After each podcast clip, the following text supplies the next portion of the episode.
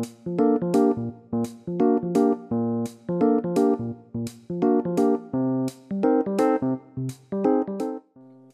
siang, saya hormati Pak Bekti Nugroho Siap. dan Pak Hasanuddin serta Bapak Ibu sekalian yang dirahmati Allah.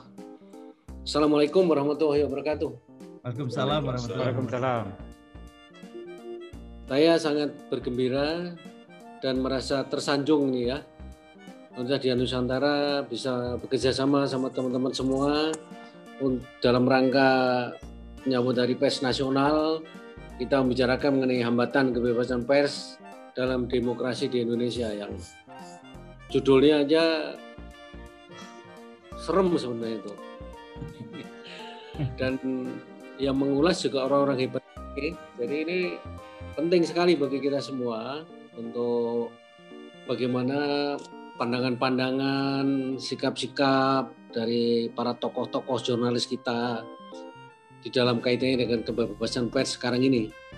Apalagi kebebasan pers di masa pandemi yang tentu permasalahan yang dihadapi, dihadapi juga sangat berbeda dalam situasi normal kita sekarang menghadapi mas, situasi yang abnormal, yang tidak normal, yang semuanya, semuanya serba terhambat oleh adanya COVID-19 ini ya.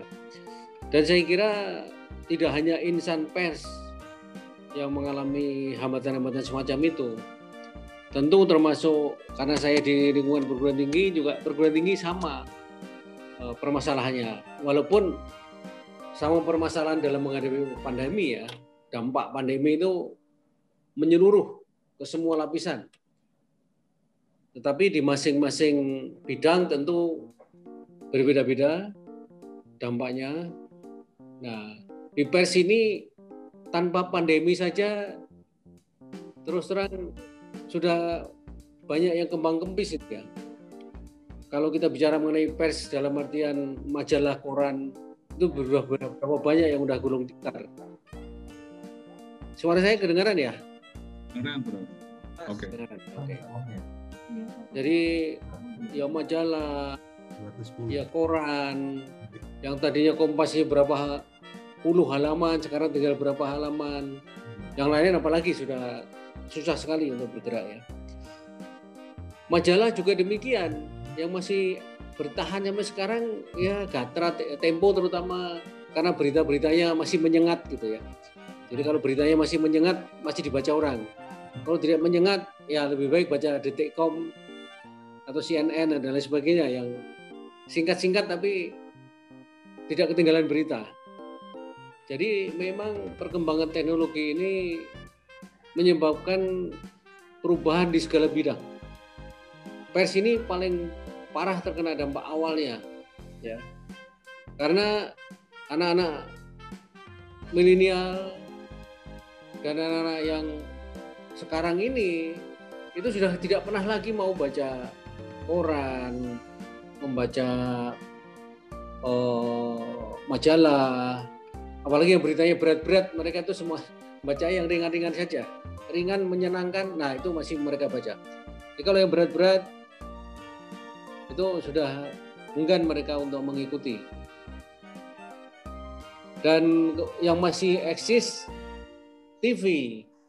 Tapi TV pun sekarang dengan adanya streaming di oh, macam-macam oh, media sosial yang ada, itu yang betul-betul oh, memperhatikan TV itu selain berita ya, memang berita pasti masih diikuti ya. Itu Metro TV sama TV One itu berita masih sangat diikuti. Kalau RCTI hidupnya itu karena sinetron. Ya. Kalau nggak ada sinetron, apalagi apa cinta-cinta ini wah luar biasa itu. Nah, kalau Metro itu ya orang masih menanti eh, Kick Andy itu masih ya. Dan berita-beritanya memang anu lah eh, sangat masih disimak oleh pemirsa, tetapi pemirsanya juga makin lama makin sedikit. Nah, tentu dampak dari keterpurukan dalam tanda petik pers nasional kita itu juga langsung berakibat kepada para jurnalis. Udah pasti itu. Terjadi saya kira pemutusan hubungan kerja di jurnalis itu udah berlangsung lama. Eh, coba lihat di Kompas, dulu berapa orang yang jurnalis yang bisa terserap di sana dengan makin menjiutnya Kompas, otomatis sebagian mungkin ya itu sudah diputus hubungan kerjanya. Apalagi di koran-koran lain itu sudah otomatis itu ya. Nah dalam situasi tanpa pandemi saja terpaan masalah di dunia pers sudah sangat luar biasa. Apalagi masa pandemi ini yang segala sesuatunya semakin sulit kita lakukan secara normal. Nah akibatnya insan pers juga makin tersudutkan, makin berat. Ditambah lagi adanya berbagai intimidasi yang dialami oleh insan-insan pers. Mau berani sedikit saja, waduh, bisa nyawa taruhannya. Ya. Jadi ini juga satu masalah. Saya baca di tornya saja tindak kekerasan yang dialami insan pers itu sebagian besar dilakukan oleh polisi. Jadi musuh insan pers ini polisi sekarang. Dan itu sangat sangat berat sekali ya. Jadi inilah berbagai permasalahan yang dihadapi insan pers yang saya tahu eh, masalahnya kemungkinan berat sekali. Walaupun tentu sektor lain pariwisata juga sangat berat walaupun masalahnya beda ya. Jadi bisa dibayangkan bahwa dampak dari COVID-19 ini oh, dialami oleh seluruh lapisan masyarakat, seluruh kegiatan tidak ada ampun termasuk negara juga akhirnya punya utang yang luar biasa gara-gara pandemi ini yang melebihi batas yang sudah ditetapkan 3% dari uh, gross domestic bruto ya sekarang sudah 6% lebih utang kita. Tapi karena ini masa-masa yang sangat kritis, maka Presiden Jokowi menerbitkan perpu yang menyebabkan dimungkinkan untuk melakukan utang-utang yang melebihi dari batas yang telah ditentukan sebelumnya. Jadi ini banyak faktor yang eh, kita hadapi. Kita hanya sekarang eh, berharap bahwa bagaimana vaksinasi ini sekarang ini kan oh, tumpuan harapan terhadap segera hilangnya COVID-19 dari bumi persada ini kan dari vaksinasi. Sebab dari berbagai aturan PSBB lah, PMKM lah, ternyata tidak mengurangi. Ya, bahkan setelah ada PSBB DKI juga nggak turun-turun, bahkan cenderung naik. Nah, ini kedisiplinan masyarakat kita juga sangat diperlukan di dalam mengatasi masalah pandemi COVID-19 ini. Oleh karena itu tentu dalam peringatan Hari Pers ini sangat berbeda antara peringatan Hari Pers tahun lalu yang masih bebas merdeka dengan segala kebebasan kita. Sekarang dengan pandemi ini permasalahan yang dihadapi semakin kompleks dan mari kita dengarkan bersama pandangan-pandangan dari para narasumber kita yang hebat-hebat ini. Pak Jamalul Insan dari Dewan Pers itu tentu sangat menguasai masalah pers nasional kita. Mas Arief Suditomo yang muda dan berkarya sebagai Direktur Pemberitaan dan Pemret Metro TV yang tentu di antara TV-TV yang lain Metro TV tetap salah satu yang masih berjaya Mas Agung Supriyo sebagai ketua KPI yang baru, yang saya lihat sih wajahnya segar ya, menunjukkan kalau orang wajahnya segar itu ya optimis, selalu optimis menghadapi masalah apa pun. Siap, siap. Kemudian Mas Bekti Nugroho yang katanya akan menyampaikan siap oh, sebagai tim ahli Dirpolkom Bapenas yang akan menyampaikan oh, hasil survei terbarunya tentang kebebasan kebebasan pers dan demokrasi di Indonesia. Ini satu gabungan yang luar biasa dari para narasumber dan mudah-mudahan apa yang disampaikan tentu akan beri manfaat yang besar bagi kita semua. Demikian sambutan singkat yang ingin saya sampaikan supaya tidak mengurangi porsi waktu eh, mas-mas sekalian ya. Selamat berkarya dan semoga kita semua diberi kesehatan menghadapi masa depan yang semakin berat ini. Wassalamualaikum warahmatullahi wabarakatuh. Waalaikumsalam warahmatullahi wabarakatuh. Terima kasih Prof. Suharyadi uh, atas pembukanya di acara yang sebenarnya lebih ke ngobrol bareng ya. Cuma melihat narasumbernya semua ini senior-senior saya semua ingin sekali di Universitas Nusantara khususnya di Prodi Ilmu Komunikasi bersama rekan-rekan yang sudah hadir sekarang. Uh, kita juga streaming di YouTube live. Eh, teman-teman uh, dari berbagai universitas sudah hadir. Uh, kita harapkan uh, hari ini menjadi momentum ya, bagaimana kita bisa uh, mendengar langsung dari para praktisi maupun uh, stakeholder lain dalam industri media massa di Indonesia. Tahun 2020 kita kenang sebagai tahun yang khusus dalam sejarah di Indonesia, termasuk juga pers karena pandemi yang dimulai sejak Maret 2020 membawa dampak besar bagi pers dan jurnalis. Tadi sudah disebutkan oleh Prof. Suaryadi ditandai dengan di, uh, adanya penutupan uh, sejumlah media. Dilakukannya berbagai efisiensi, ada pemutusan hubungan kerja, penundaan dan pemotongan gaji dan lain sebagainya. Tentu saja itu semua akan berdampak pada kinerja media, cara kerja jurnalis dan kesejahteraan. Namun di tengah tekanan berat sisi ekonomi juga ada ancaman lain dari sisi kebebasan ada beberapa catatan di antaranya dari AJI Indonesia. AJI Indonesia mencatat ada 84 kasus selama 2020 dan tadi sudah disebutkan salah satunya adalah kasus kekerasan terhadap jurnalis. Kita ingin mendengar langsung. Pertama, saya ingin uh, Mas Arief Suditomo, uh, senior saya, uh, guru saya, mohon uh, bisa di-share sama kita apa yang terjadi uh, di dalam industri media massa, terutama di Metro TV uh, kaitannya dalam kebebasan pers di Hari Pers Nasional hari ini, Mas Ari. Silakan. Uh, thank you, uh, makasih Dani.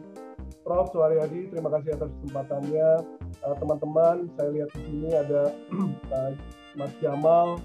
Uh, sebagian pernah kerja bareng, sebagian belum. Uh, ada Mas Bekti, ada Siap.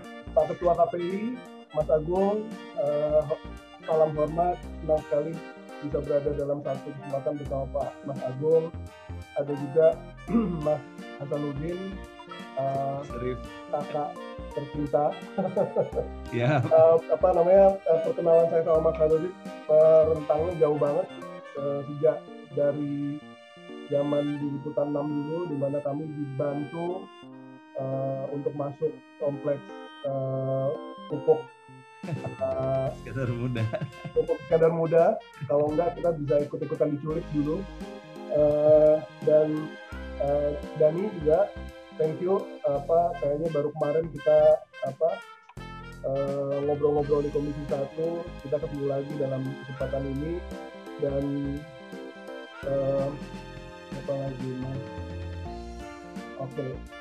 dan teman-teman para mahasiswa sekalian saya singkat aja uh, dalam dalam situasi kita memotret tentang apa yang kita hadapi untuk isu kebebasan pers, saya melihat ada dua hal. Pertama, ada internal, ada eksternal. Saya ingin uh, bahas eksternalnya dulu. Kalau tadi yang disebutkan misalnya uh, situasi yang terkait dengan uh, peristiwa kekerasan, itu saya pikir merupakan salah satu hal yang uh, memang ada dan akan terus ada. Uh, namun uh, bagaimana kita menyikapi itu kita punya uh, perangkat yakni hukum pidana dan uh, mekanisme turunannya sehingga sepanjang pihak-pihak yang uh, berwenang memiliki keberanian, memiliki uh, support politik, saya pikir uh, deterrent efeknya akan bisa di manage apa efek jerahnya akan bisa dibangun dengan ketegasan dan konsistensi yang uh, dilakukan oleh pihak-pihak yang terkait. Nah, ada beberapa hal dalam dalam uh, ancaman kebebasan pers itu dari sisi eksternal terutama yang ingin saya garis bawahi lebih lebih uh, serius Yang pertama adalah uh, salah satu ancamannya adalah market system. Market system itu bagi saya jauh-jauh lebih merasuk ya, jauh-jauh lebih uh, serius kita hadapi. Kenapa? Market system itu turunannya banyak. Uh, ada rating system, ada revenue yang pada dasarnya amat sangat mempengaruhi bagaimana seorang uh, reporter, seorang produser, seorang pemimpin redaksi dalam melakukan formulasi editorial. Lalu ada hal lain misalnya uh,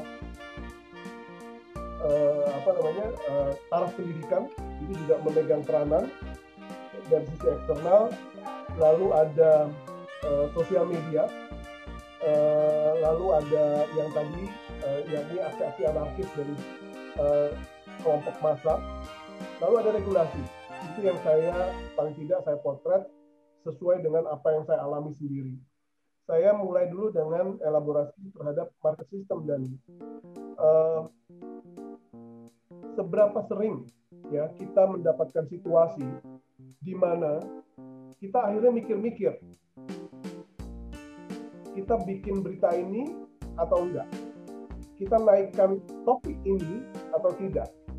Kita angkat angle ini atau tidak? Itu semuanya yang dipengaruhi oleh uh, rating, yang dipengaruhi oleh revenue. Dan saya berani bilang bahwa hampir sebagian newsroom menghadapi itu, itu semua. Jadi, kalau sekarang kekerasan yang terjadi di jalan saat kita meliput, itu biasanya terjadi di saat kita melakukan aksi peliputan hal ini juga terjadi sebelum bahkan sebelum kita merencanakan dalam merancang sebuah uh, formulasi editorial kita udah mulai pikir-pikir ini ratingnya bagus apa enggak ini revenue bagus apa enggak itu merupakan salah satu hal yang pada dasarnya disadari atau tidak itu cukup mengancam kebebasan kita dalam uh, menyuarakan atau melakukan uh, editorial formulation. Lalu taraf pendidikan banyak sekali hal yang pada akhirnya uh, sulit untuk kita uh, bangun. Karena gini, ada orang yang bilang dalam beberapa media teori, uh, produk dari media itu adalah cerminan dari masyarakatnya. Tapi ada yang bilang juga bahwa media itu seharusnya menjadi lokomotif dalam proses uh, rekayasa sosial di masyarakat tersebut. Nah, hal tersebut apabila kita mau menggunakan teori yang kedua media sebagai uh, alat tools of social engineering taraf pendidikan menjadi sangat penting dan begitu taraf pendidikannya tidak mensupport yang ada adalah justru mengancam kebebasan pers kenapa orang-orang yang pada akhirnya bersuara berbeda dengan apa yang menjadi cerminan dari masyarakatnya itu yang menjadi salah satu uh, uh, pihak atau organisasi yang akan mendapatkan uh, reaksi dalam proses mereka melakukan pekerjaannya di sisi media. Misalnya, uh, satu organisasi media menyuarakan tentang uh, bagaimana SKB 3 Menteri yang melarang atau yang melarang sekolah memaksakan kehendak mereka dalam menggunakan atribut keagamaan atau serang, apa, seragam yang terkait sama religi tertentu. Itu akan mendapatkan banyak tentangan waktu media tersebut menyuarakan editorialnya tentang hal tersebut. Kenapa? Karena pendidikan masyarakat di wilayah itu lebih banyak dipengaruhi oleh uh, nilai-nilai uh, tradisional yang pada akhirnya mereka membuat situasi di wilayah tersebut menjadi sangat konservatif. Nah itu menjadi salah satu hal yang saya identifikasi sebagai ancaman terhadap kebebasan uh, menyuarakan pendapat atau kebebasan pers. Lalu juga paham intoleransi itu juga merupakan salah satu bagian dari lemahnya misalnya pendidikan kita. Di saat mereka tidak memilih, tidak terpapar dengan ilmu pengetahuan yang cukup, mereka akan menjadi orang-orang yang berada di katak dalam tempurung begitu mereka menjadi orang yang kata dalam tempurung, mereka sangat eksklusif, tidak mau membuka, membuka diri. Mereka bisa uh, apa namanya berlanjut pada aksi-aksi yang sifatnya anarkis. Yang berikutnya adalah sosial media. Nah, sosial media ini juga merupakan salah satu ancaman di mana sekarang banyak sekali perusahaan media yang uh, gulung tikar. Tetapi orang-orang yang bisa melakukan praktek praktek-praktek bermedia itu justru jauh lebih banyak karena kita mengenal adanya sebuah konsep uh, citizen journalism. Nah, yang menjadi jurnalis makin banyak, namun bagaimana mereka melaksanakan praktek uh, citizen journalism tersebut, mereka tidak dikungkung oleh peraturan-peraturan yang ada pada kami, pada media. Sebagai seorang jurnalis televisi, kami di naungi oleh berbagai macam regulasi. Ada undang-undang pokok pers, ada undang-undang penyiaran, ada P3SPS, ada berbagai macam kode etik dari asosiasi, dan berbagai macam regulasi-regulasi yang lain. Dan kalau misalnya itu dilanggar, satu pun itu nggak bisa dilanggar. Kita pasti akan mendapat teguran dari Mas Agung dan uh, itu adalah hal terakhir yang kita inginkan sebagai uh, insan di dunia pertelevisian adalah mendapatkan surat cinta dari KPI. Nah, Bapak Ibu, uh, teman-teman sekalian, itu adalah hal yang saya identifikasi dari uh, apa namanya uh, sosial media. Nah, sosial media ini juga merupakan salah satu hal yang pada akhirnya membuat kita harus bekerja jauh lebih keras. Karena satu hal yang saya selalu banggakan adalah menjadi seorang jurnalis di media mainstream, khususnya televisi, kita amat sangat hormat, kita amat sangat patuh terhadap regulasi.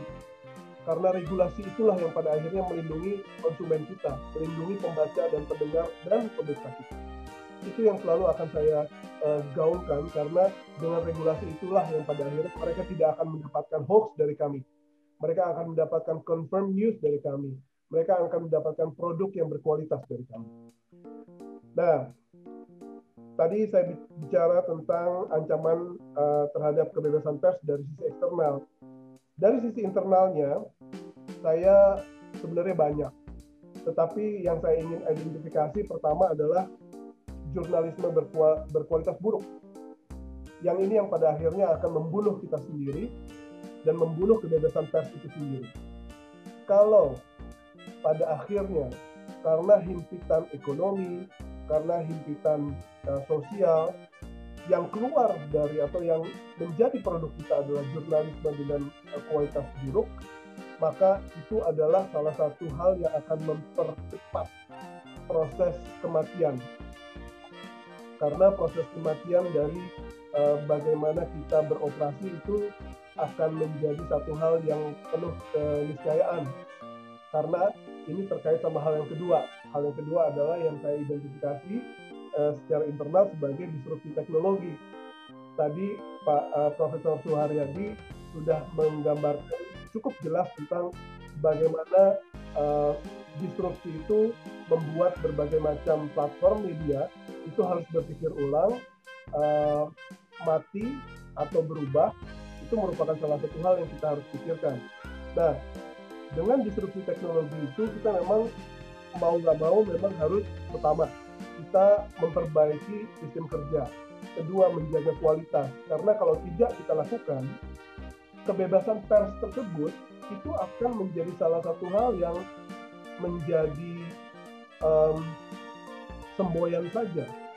Kita tidak akan bisa mengemban misi kebebasan pers kalau kita nggak eksis. Dan itu yang pada akhirnya selalu uh, ingin saya identifikasi sebagai salah satu ancaman pada kebebasan pers secara internal.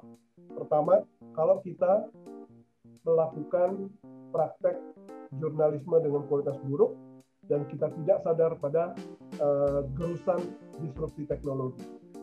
Ya, uh, kurang lebih itu uh, insya Allah kita bisa diskusi lebih panjang uh, banyak hal atau banyak info yang mungkin bisa teman-teman share dari diskusi ini ada Mas Jamal, ada Mas Bekti, ada uh, Mas Agung dan uh, kita ada teman-teman mahasiswa yang pada akhirnya bisa memperkaya uh, diskusi atau uh, seminar pada uh, kali ini. Uh, Oke, okay, Dani, saya uh, selesaikan, saya cukupkan di sini. Ya, insya Allah kita bisa diskusi uh, setelah kita dengar masukan yang dari yang lain. Terima kasih. Saya kembalikan ke moderator. Baik, terima kasih Mas Arief. Uh, saya ingin ke Mas Bekti dulu nih. Tadi Mas Arief sudah menyebutkan ada beberapa faktor internal, ada beberapa faktor eksternal. Nah, dari uh, Bappenas sendiri, Mas Bekti Nugroho sudah berkeliling Indonesia nih, informasi ke saya. Ada beberapa temuan yang sebenarnya belum resmi dirilis oleh Bappenas, baru akan beberapa bulan ke depan.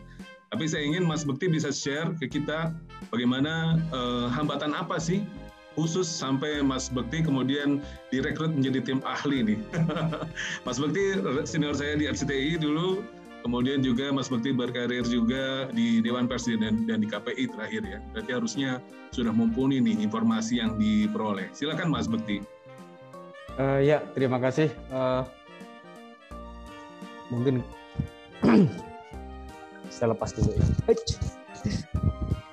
Uh, ya mohon maaf kalau uh, suaranya agak ini karena saya di uh, di warnet nih uh, karena untuk supaya stabil.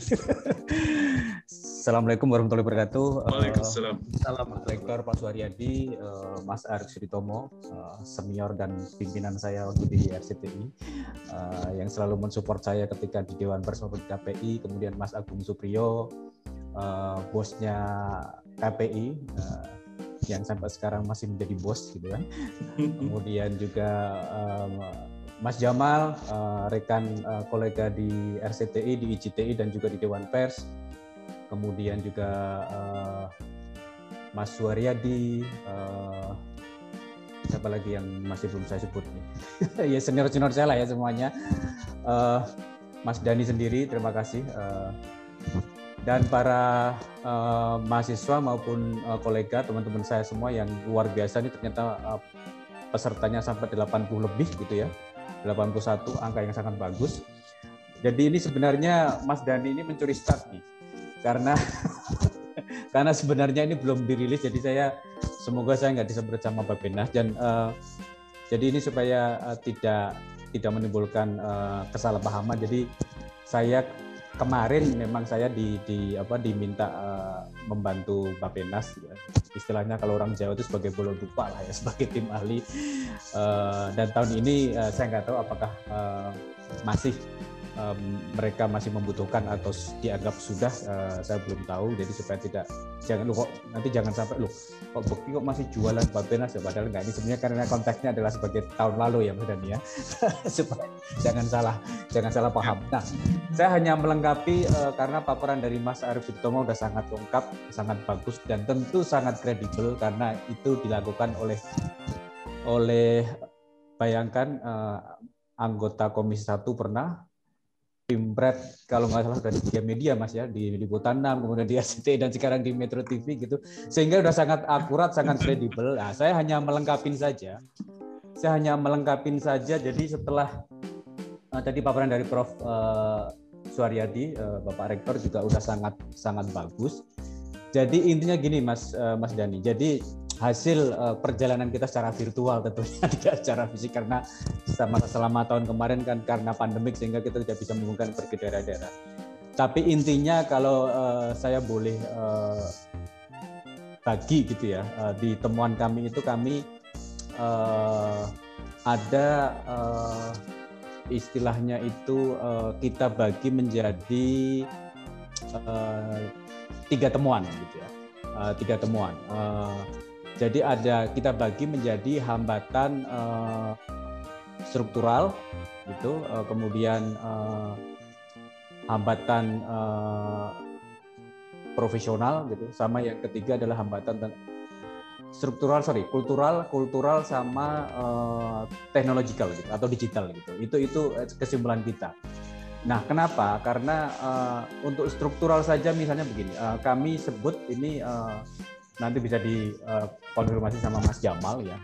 Itu uh, indeks kemerdekaan pers uh, kita kendati uh, coba Dewan Pers sudah mengeluarkan indeks kemerdekaan pers ya. Yang kemudian masih kategori uh, kalau nggak salah masih masuk kategori bebas kita sudah dianggap bebas secara secara domestik tapi secara internasional kalau kita mengacu kepada hasil risetnya Reporter Without Border, kemudian Freedom House, itu kita masih dianggap sebagai partly free atau artinya belum bebas 100%, masih dianggap cukup bebas. Nah, kenapa? Uh, karena uh, hasil temuan kami ternyata masih banyak secara regulasi itu pasal-pasal yang dianggap oleh mereka secara internasional melihat bahwa di Indonesia itu secara regulasi belum bisa dimasuk di kategori uh, bebas gitu. Karena apa? Contoh yang sekarang paling sering digunakan adalah tentang kriminalisasi jurnalis gitu. Uh, kaitannya dengan soal undang-undang ITE gitu. Jadi kalau kita mengacu kepada laporan uh, SafeNet itu ada 240 sejak tahun 2008 sampai 2018 itu ada sekitar 245 laporan yang menggunakan undang-undang ITE gitu. Nah, 14 di antaranya itu adalah melibatkan jurnalis dan melibatkan tujuh media gitu. Nah, ini kan repot ya. Tadi sudah disinggung juga sama Prof. Uh, di bahwa uh, cilakanya salah satu uh, pelaku yang terbanyak itu ternyata oleh aparat gitu. Kemudian yang kedua dilakukan oleh aparat itu 33 kasus, kemudian warga itu adalah 17 kasus, pejabat publik 7 kasus, pengusaha 6 kasus dan belum teridentifikasi itu enam kasus. Itu secara uh, regulasi. Kemudian juga ada yang kaitannya dengan soal KUHP itu juga masih banyak gitu. Uh, undang-undang anti korupsi undang-undang KUHP yang sekarang juga uh, sedang uh, dirancang itu juga ternyata masih berpotensi uh, mengancam kebebasan pers. Nah ini maka kemudian secara struktural uh, kita uh, masih banyak menghadapi regulasi-regulasi yang menghadap uh, yang apa uh, berhadapan-hadapan langsung dengan kebebasan pers. Itu secara regulasi. Karena apa? Yaitu di daerah-daerah apalagi uh, makin jauh dari pusat pemerintahan makin banyak uh, korban dari teman-teman yang uh, menjadi uh, apa istilahnya korban terhadap uh, regulasi yang mengancam kebebasan pers. Kemudian uh, ada yang kemarin sempat ngehits tahun uh, tahun kemarin itu mungkin uh, nanti Mas Jamal bisa cerita itu bagaimana kasus Banjar hits kemudian yang akhirnya bahkan kemudian terna, kena vonis gitu. Si wartawannya itu kena vonis gitu. Kalau nggak salah kena vonis tiga bulan penjara. Uh, kemudian ada juga di uh, di Buton di Sulawesi Tenggara, kemudian di uh, di Sulawesi Selatan juga ada, eh, di Batubara di Sumatera Utara juga ada yang melibatkan uh, pejabat, gitu, pejabat pemerintah daerah yang mengadukan uh, ke jurnalis karena pemberitaannya. Uh, ini kalau uh, kemudian uh, ini tidak segera mendapat uh, perhatian dari para pemangku uh, uh, pers, ya, terutama mitra-mitranya Dewan Pers, maka saya rasa ini akan terus terjadi karena apa? Karena ya terus terang kan sebenarnya kalau kalau kita di, uh, dari sisi uh, dibandingkan dengan zaman Orde Baru kan sebenarnya kan kebebasan pers sekarang sudah sangat sangat bebas sebenarnya. Uh, kalau kita mengacu kepada uh, bagaimana ekosistem yang kita bandingkan ya ketika saya, dulu zaman ketika masih jadi wartawan zaman Orde Baru itu waduh itu dulu untuk wawancara pejabat itu susahnya minta ampun. Tapi kalau sekarang aduh kayaknya kayaknya sekarang bukan tantangan lagi deh gitu loh. Ada ada narasumber yang kayaknya sudah diwawancara kayaknya nggak mungkin deh sekarang. Sangat beda gitu. Sehingga sebenarnya kalau dari sisi iklim kerja sebenarnya sudah sangat sangat bebas menurut Hanya uh, sayangnya itu uh, masih banyak pejabat-pejabat uh, publik, pejabat daerah gitu, aparat gitu yang masih belum bisa mengerti tentang uh, value atau tentang pen, betapa pentingnya kemerdekaan pers itu secara struktural. Nah kemudian uh, ada yang uh, lebih mengkhawatirkan lagi adalah uh, jadi ada di beberapa daerah itu mulai uh, mulai ada semacam kayak tadi mungkin kalau bahasanya uh, Mas Arvin Tom adalah ekosistem bisnis gitu ya secara secara eksternal. Jadi sekarang ada tren uh, teman-teman itu kan sekarang karena apalagi sekarang ya zaman-zaman pandemik seperti ini uh, eksistensi pers itu yang kemudian sekarang di uh, kalau nggak salah tadi diangkat sama uh, sama headline Kompas ya uh, dalam rangka memperingati Hari Pers itu uh, ekosistem pers sekarang sedang sangat tidak sehat. Artinya gini, artinya kalau pers itu berdiri sendiri stand alone sebagai bisnis uh, pers itu kayaknya sangat berat. Gitu. sangat berat. Nah, maka kemudian uh, banyak teman-teman uh, yang kemudian akhirnya uh, mengambil bagaimana dia survive. Uh, ada semacam kayak uh, dalam tanda petik gitu ya. Itu pers-pers lokal itu kemudian melakukan namanya kontrak kontrak uh, istilahnya kontrak kerjasama pemberitaan dengan pemerintah daerah. Hanya saja uh, yang kemudian terjadi kemudian ada di uh, ada potensi gitu ya, ada kekhawatiran gitu, ada kekhawatiran uh, dalam kontrak itu kemudian uh, baik tertulis maupun tidak tertulis gitu ya. Itu ada semacam kayak uh, general agreement gitu bahwa mereka tidak lagi uh, boleh memberitakan berita-berita yang negatif dari uh, dari uh, daerah tersebut, terutama dari pemerintah daerah. Nah ini kan bahaya. Nah kalau begitu mereka ada ada yang dalam tanda petik gitu ya uh, jangankan menyerang gitu mengontrol saja gitu yang dianggap kemudian oleh oleh pemerintah daerah dianggap itu itu merugikan mereka kontraknya akan diputus. Nah ini tentu uh, sangat merugikan bagi perusahaan-perusahaan uh, lokal di daerah. Karena apa? Karena uh, perusahaan per daerah kan sangat bergantung kepada masih bergantung sangat bergantung sama APBD. Nah ini yang yang yang secara struktural ini juga uh, itu membahayakan. Mungkin nanti Mas Jamal bisa cerita lebih lanjut itu teman-temannya uh, karena kan sekarang yang uh, langsung uh, bersinggungan dengan uh, pendataan uh, pers daerah kan uh, uh, Dewan Pers dan itu salah satunya kalau nggak salah ketuanya Mas Jamal. Nah itu secara struktural. Nah secara kultural itu juga uh, menarik uh, karena apa? Karena uh, banyak sekarang uh, jadi semenjak uh, memang ini sebenarnya persoalan klasik ya persoalan klasik bahwa semenjak uh, reformasi itu maka uh, perusahaan pers itu tumbuh subur gitu bak di musim hujan gitu bak cendawan di musim hujan di mana-mana mungkin uh, mungkin nanti Mas Jamal uh, bisa cerita gitu mungkin satu-satunya negara yang mempunyai jumlah media ribuan mungkin hanya di Indonesia. Ini kayaknya bisa masuk uh, Guinness Book of Records nih. kayaknya uh, karena apa? Wah itu luar biasa. Nah ditambah lagi sekarang kemudian karena apa? Karena selain kemudian uh, di Undang-Undang Pers itu tidak lagi me me mensyaratkan tentang uh, SIUP, tentang surat izin usaha menerbitkan pers, udah nggak ada. Syaratnya yang penting adalah asal badan hukum Eh, mereka bisa mengadakan uh, menerbitkan uh, pers gitu. Uh, tetapi kemudian ini kebablasan karena apa? Karena kemudian banyak uh, istilahnya uh, waktu itu uh, Pak almarhum Leo Batubara selalu mengatakan uh, banyak media abal-abal gitu yang nggak jelas gitu. Sehingga kemudian tiba-tiba dia muncul, apalagi ditopang sekarang dengan arahnya uh, adanya era digital, Uh, mereka tidak membutuhkan uh, tidak membutuhkan percetakan, tidak membutuhkan koran fisik, mereka hanya sangat biayanya sangat murah, ber, bermodalkan website dia bisa menimbul uh, dia tinggal ditambahin uh, kom kayak ko kayak atau ID uh, mereka sudah bisa mendirikan sebuah perusahaan pers. Nah, cilakanya, cilakanya kemudian masih banyak pejabat-pejabat uh, daerah yang belum paham tentang itu, tentang aturan uh, aturan perusahaan pers. Karena apa?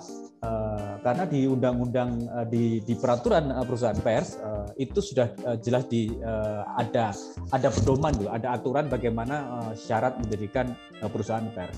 Yang saya masih ingat adalah selain badan hukum, karena ternyata masih banyak yang ternyata bukan badan hukum gitu kan. Uh, dan yang paling penting sebenarnya kalau kita data syarat uh, salah satu pendirian perusahaan pers itu sebenarnya adalah pimretnya itu dia harus berkategori uh, wartawan utama kalau enggak wartawan utama eh, nanti bisa dikoreksi sama Mas Jamal itu mestinya dia belum belum bisa mendapat legalitas dari Dewan Pers sehingga ini Dewan Pers sudah sangat bagus ada program namanya sudah meluncurkan tentang peraturan perusahaan Dewan Pers kemudian dia juga sudah meluncurkan tentang uh, UKW ini semuanya sebagai sebuah uh, alat gitu uh, untuk bagaimana membuat supaya media kita profesional. Nah, karena apa? Karena itu tadi eh, banyak eh, perilaku-perilaku secara kultural gitu ya, eh, sehingga kemudian pernah waktu itu ada ada joke siapa pun sekarang asal bermodal uh, kartu pers itu mereka sudah menganggap dirinya sebagai wartawan. Ini kan kacau. Padahal sebenarnya kan profesi wartawan itu kan profesi yang terhormat, profesi yang mulia, sehingga seharusnya sangat ketat. Karena apa? Ini nggak beda sama dengan dokter sebenarnya kalau profesi dokter itu kan tidak semua orang bahkan dokter itu sangat ketat meskipun dia sudah lulus uh, dari fakultas kedokteran tapi kalau dia belum melakukan koas kalau nggak salah uh, dua tahun atau tiga tahun saya lupa itu maka dia belum bisa mendapatkan izin praktek. Nah, izin praktek ini diperoleh dari mana? Dari ID. Itu. Sehingga sangat ketat. Nah, ini beda dengan wartawan. Wartawan itu sekarang uh, seolah-olah gitu asal mereka sudah mengantongi kartu pers, publik menganggap itu sudah jadi wartawan karena bukan. Nah, ini mungkin tantangan yang mesti dijawab nanti sama Mas Jamal gitu jadi di Pers.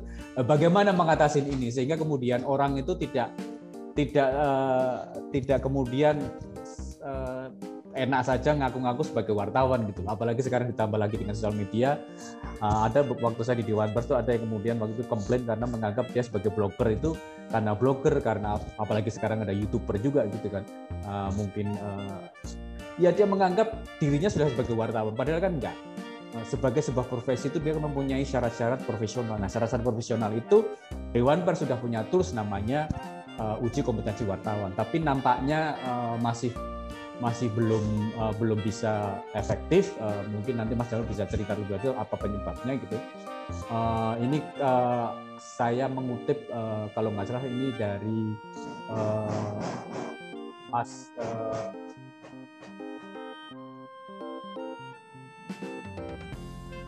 ini ada sekitar uh, jumlah uh, jumlah media online itu kalau kata nggak salah sekarang 45 ribu media katanya.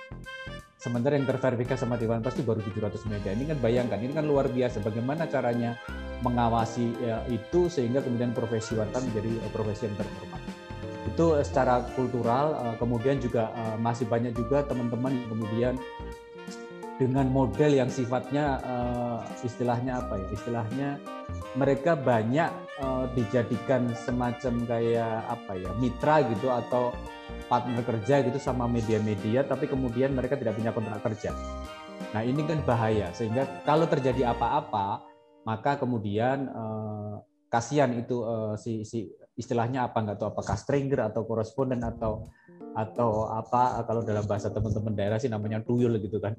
Kita gunakan uh, hasil jasa mereka tapi kemudian perusahaan tidak mengakui dia sebagai uh, sebagai uh, apa ya, sebagai perangkatnya atau aparatnya media. Nah ini bahaya. Jadi menurut saya ke depan ini harus ada semacam kayak uh, aturan main yang jelas gitu sehingga kemudian uh, mereka ini benar-benar uh, mendapat uh, perlindungan secara secara profesional karena apa? Karena uh, apalagi di, di saat pandemik semacam ini uh, mereka kasihan.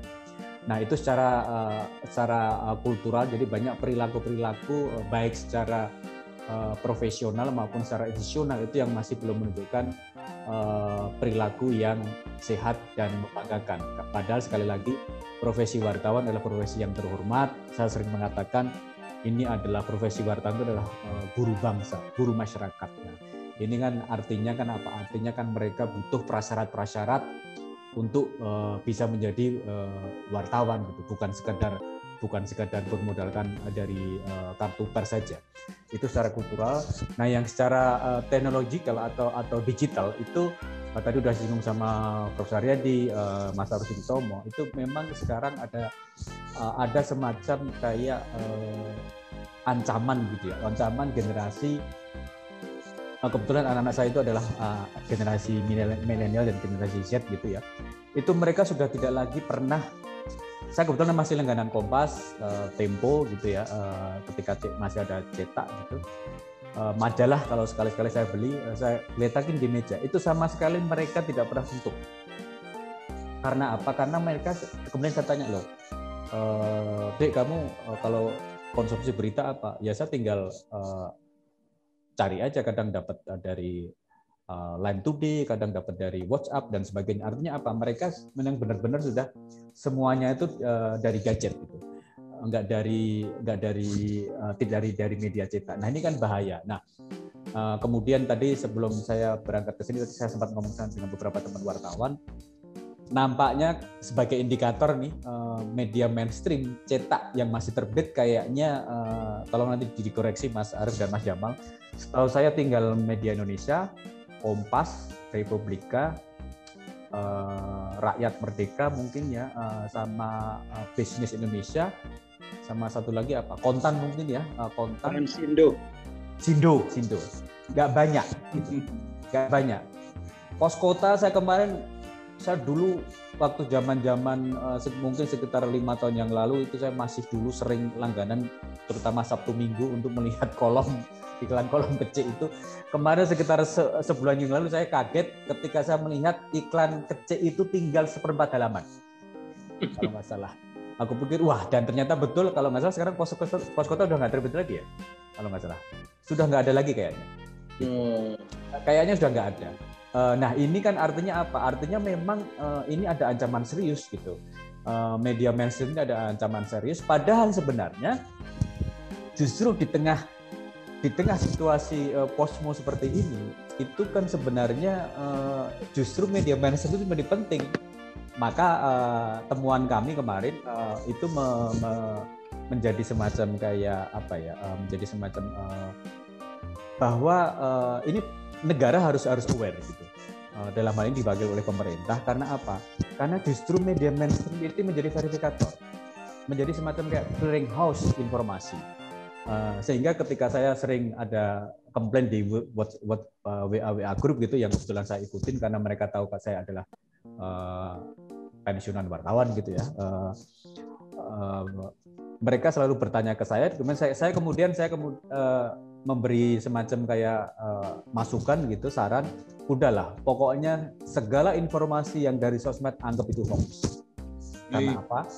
Karena karena sosial media tidak ada hierarkis uh, tidak ada hierarkis verifikasi.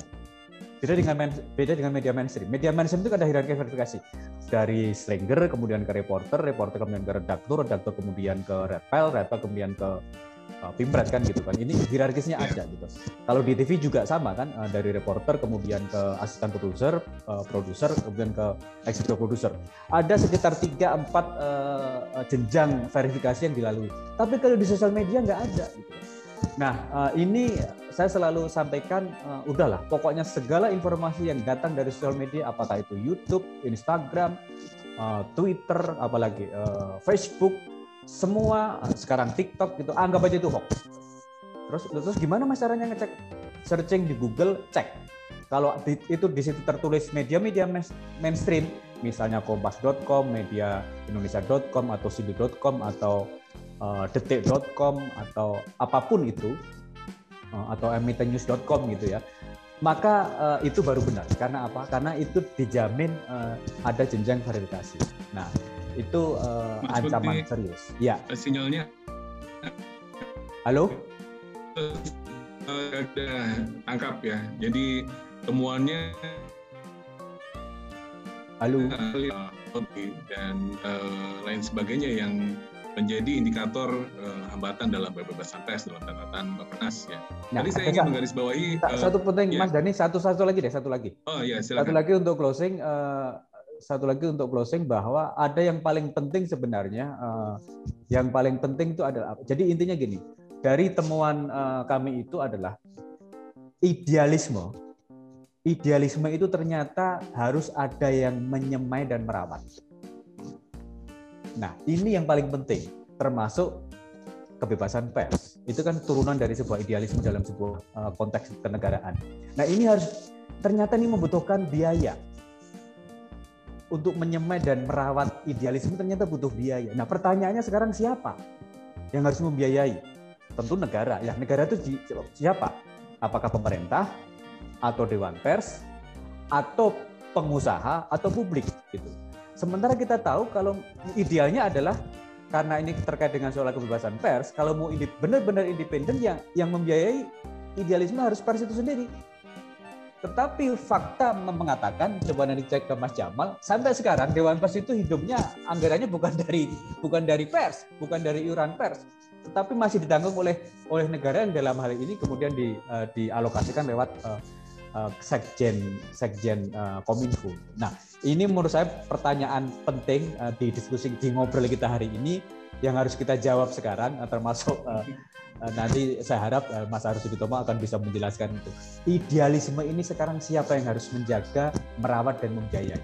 Kalau di Thailand itu ada namanya institusi namanya Ford Foundation, uh, sorry Health Foundation yang diambil biayanya dari Singtex, dari pajak-pajak yang uh, uh, pajak miras, kemudian pajak klub, pajak rokok dan sebagainya itu itu diambil kalau nggak salah alokasinya uh, mungkin Mas Agung Supriyo nanti bisa bisa menceritakan kalau nggak salah mereka mendapat anggaran sekitar 10% dari pajak itu kemudian dikasihkan kepada Health Foundation yang kemudian ini yang dipakai untuk membiayai uh, KPI-nya Thailand, kemudian Dewan Pers Thailand dan sebagainya. Nah, di Indonesia belum punya itu.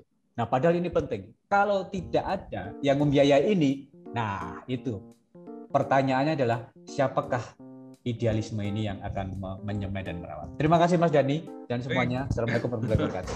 Waalaikumsalam warahmatullahi wabarakatuh Mas Bekti Nugroho.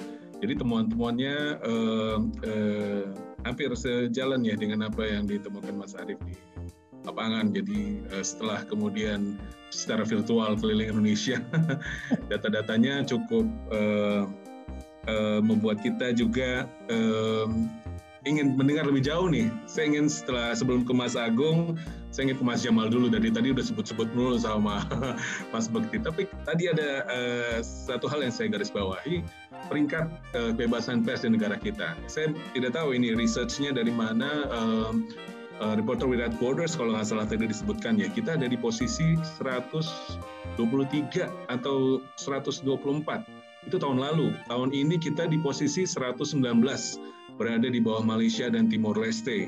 Tapi di satu hal ini bisa menjadi uh, sebuah uh, catatan penting ya buat Dewan Pers. Kita memahami, jadi Dewan Pers itu menangani kasus sektor publik, verifikasi perusahaan media, sampai uh, uji kompetensi wartawan. Tapi satu hal yang tadi disampaikan Mas Bekti adalah uh, untuk melindungi kebebasan pers. Benar nggak kritik itu bahwa bukan hanya etik aja, perlindungan terhadap kebebasan pers itu sangat minim dilakukan oleh Dewan Pers. Mas Jamal silakan.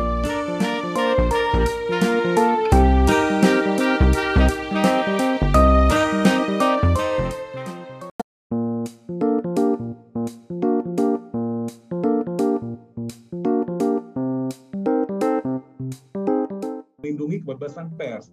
Benar nggak kritik itu bahwa bukan hanya etik aja, perlindungan terhadap kebebasan pers itu sangat minim dilakukan oleh Dewan Pers. Mas Jamal silakan. Baik, terima kasih Dani. Seharusnya saya tuh mungkin sebelum bekti ya, biar saya justru banyak nitip ke dia gitu ya. Lempar-lemparan. Karena gini, dia tuh kemarin dalam beberapa bulan ya, secara maraton hampir setiap minggu itu menggelar diskusi melibatkan berbagai kalangan. Saya kira mungkin sekitar berapa belas pertemuan gitu ya secara tiap minggu itu dia udah penuh tuh. Hampir semua sumber-sumber yang kita punya pun udah kita kasih semua gitu ya. Tapi itu sih dia baik oke baik. Uh, terima kasih. Uh, saya kira yang saya hormati jadi Pak. anggarannya memuaskan apa enggak dari Mas Bekti? Nah. Nggak enak ngomong di sini. Nanti kita lanjut. Yang terhormat Pak Suharyadi uh, Mas Arief Mas Agung Bukti, Mas Bukti ya. Uh, ini senior saya di RCTI dan senior saya di Dewan Pers ya. Jadi uh, saya langsung aja karena kebetulan saya sudah buat juga nih ya yang saya kira bisa menjawab beberapa yang disampaikan tadi oleh Pak uh, Suharyadi juga, Mas Arief juga ya. Saya mungkin jadi saya, saya, share aja, saya singkat aja supaya nggak terlalu makan waktu. Nah, saya mencoba menulis ini baru tadi malam ini karena pagi-pagi tadi harus ke hari pers ya, saya bikin kemerdekaan pers. Dalam kuning perspektif daya hidup pers Indonesia saat pandemi. Ini yang saya kira sisi yang disoroti oleh Pak Suharyadi tadi dalam uh, sambutannya ya. Saya langsung aja, uh, cepat aja. Ini yang tadi uh, dari coba tanya, ini memang tahun 2020 ya, tahun 2021 ini belum keluar. Karena biasanya Reporter Sun Proletariat ini dia akan ngeluarin di bulan April ya. Jadi di bulan April tahun ini yang 2021 belum keluar yang tahun 2020 nah dari tahun 2011 misalnya sampai 2020 sih kita naik ya. Tetapi kita memang selalu masih di bawah negara-negara yang menurut kita tuh nggak layak kita berada di bawahnya gitu ya. Katakanlah kita lihat di dua tahun terakhir yang 2019 dan 2020 ya, kita berada di 124 tahun 2019 itu di bawah Malaysia dan Timur Leste ya. Kemudian di tahun 2020 itu kita di 119 naik memang dari 124 tetapi kita masih juga tetap di bawah Timur Leste dan Malaysia. Yang kita tahu bahwa sebenarnya kebebasan pers di dua negara itu, khususnya di Malaysia itu nyaris nggak ada malah sebenarnya. Dia masih punya uh, undang-undang uh, ISA ya, uh, internal uh, apa namanya security uh, act itu kita kan udah nggak ada. Tapi kita tetap dinilai oleh uh, Sans Frontiers ini memang masih berada seperti itu. Nah kebetulan di bulan November 2019 kita datang ke markasnya ini nih ya di Prancis. Waktu itu dengan Pak Nuh juga kita ke sana, kita diskusi, kita mempertanyakan kenapa kok kita selalu berada di di bawah ini.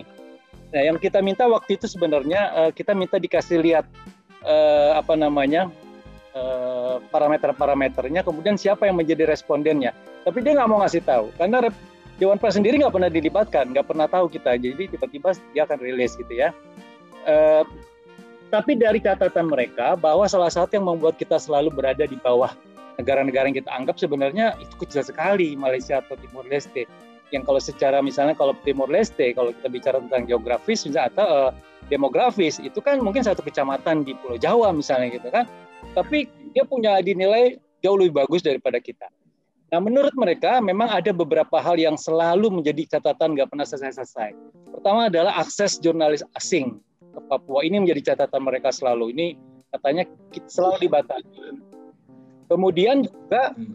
eh, kalau tahun 2015 itu juga salah satu yang di sini adalah eh, terjadi pembatasan internet itu yang juga memang kita tahu di dalam negeri juga teman-teman dari eh, beberapa lembaga eh, kita ya LSM organisasi juga menggugat ini kemudian di PTUN dan memang itu di uh, di salah di, di, di, di keputusan adalah memang ada satu kesalahan gitu ya. Uh, ini di internasional. Kenapa ini kita perlu? Ya memang kita perlu seperti tadi dan dikatakan kita ini perlu belajar juga ya, perlu melihat juga. Nah kata itulah di Dewan Pers sebenarnya sejak tahun 2016 itu sudah melakukan juga kita membuat juga mengukur sendiri di kemerdekaan pers yang sebenarnya kalau kita sampaikan kita pernah sampaikan juga ke mereka kita jauh lebih lebih komprehensif ya jumlah pertanyaannya aja itu sekitar 72 item. Jadi banyak sekali, eh, banyak hal yang kita gali dan eh, dari tahun 2016 itu sampai yang terakhir kemarin 2020 itu trennya naik terus. Nah ini saya coba tulis yang dari 2018 saja karena dari 2018 ini seluruh provinsi sudah dilibatkan ya 34 provinsi. Sementara dari 2011 itu masih belum semua provinsi.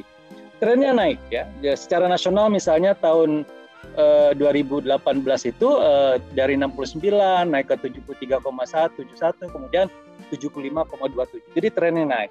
Bahkan di bidang-bidang politik misalnya karena itu dikategorikan tiga, tiga bidang politik, ekonomi dan hukum, itu juga semuanya naik ya. Uh, nah, ada pertanyaan loh kok kita tren kita bagus ini tapi kenapa di luar? Nah, ini mungkin ya itu tadi ada beberapa parameter ukuran yang memang memang nggak sama gitu ya. Tetapi ini terus kita lakukan, Dewan Pers terus lakukan bagian dari kita ingin menyem, katakanlah memberi uh, apa namanya menye, menyeimbangkan lah ya informasi. Kalau lu punya ini, kita juga punya. Bahkan ini melibatkan perguruan tinggi, melibatkan sekian orang, banyak sekali yang kita libatkan. Bagaimana metodologi dan sebagainya yang bisa diuji lah. Ini bukan oleh oleh kalangan uh, terbatas, tapi umum juga kita bisa libatkan. Nah, saya kira ini kita singkat aja karena kalau misalnya kawan-kawan nanti mungkin uh, teman-teman mahasiswa butuh detailnya, silakan buka website Dewan Pers. Ini seluruh hasil risetnya dari 2016 sampai 2020 itu sudah bisa dibuka. Baik yang bentuknya summary maupun yang lengkap ya. Jadi bisa dibuka di di website Dewan Pers. Nah, saya langsung aja uh, kebebasan pers ini ya. Jadi biar supaya nggak uh, apa namanya kita karena ini ngobrol-ngobrol aja sebenarnya kalau kita mau menjawab ya bahwa memang secara uh, sistem pers kita ini sekarang sudah jauh lebih bagus. Sudah jauh sangat lebih bagus ya. Kalau misalnya kita bandingkan dengan Orde Baru ya tadi uh, Mas Bekti juga sudah menyebut ini kan banyak hal-hal yang sangat membatasi. Harus ada siup dan sebagai salah satunya itu ya yang secara politis uh, hukum dan juga ekonomis itu sangat mengikat. Jadi nggak semua orang bisa bikin pers ya. Sementara di order formasi kita katakan bahwa semua orang bisa membuat media gitu kan. Nah, wartawan juga gitu organisasinya dulu cuma ada PWI, nah sekarang dia bisa pilih, mau bisa di AJI, mau di PWI, kalau di Junas TV bisa di JTI, kalau dia memang cuma uh, fotografer ya, dia bisa juga bergabung di uh, Persatuan ya uh, Warta Foto Indonesia. Ini kebetulan empat organisasi ini udah menjadi konstituen Dewan Pers.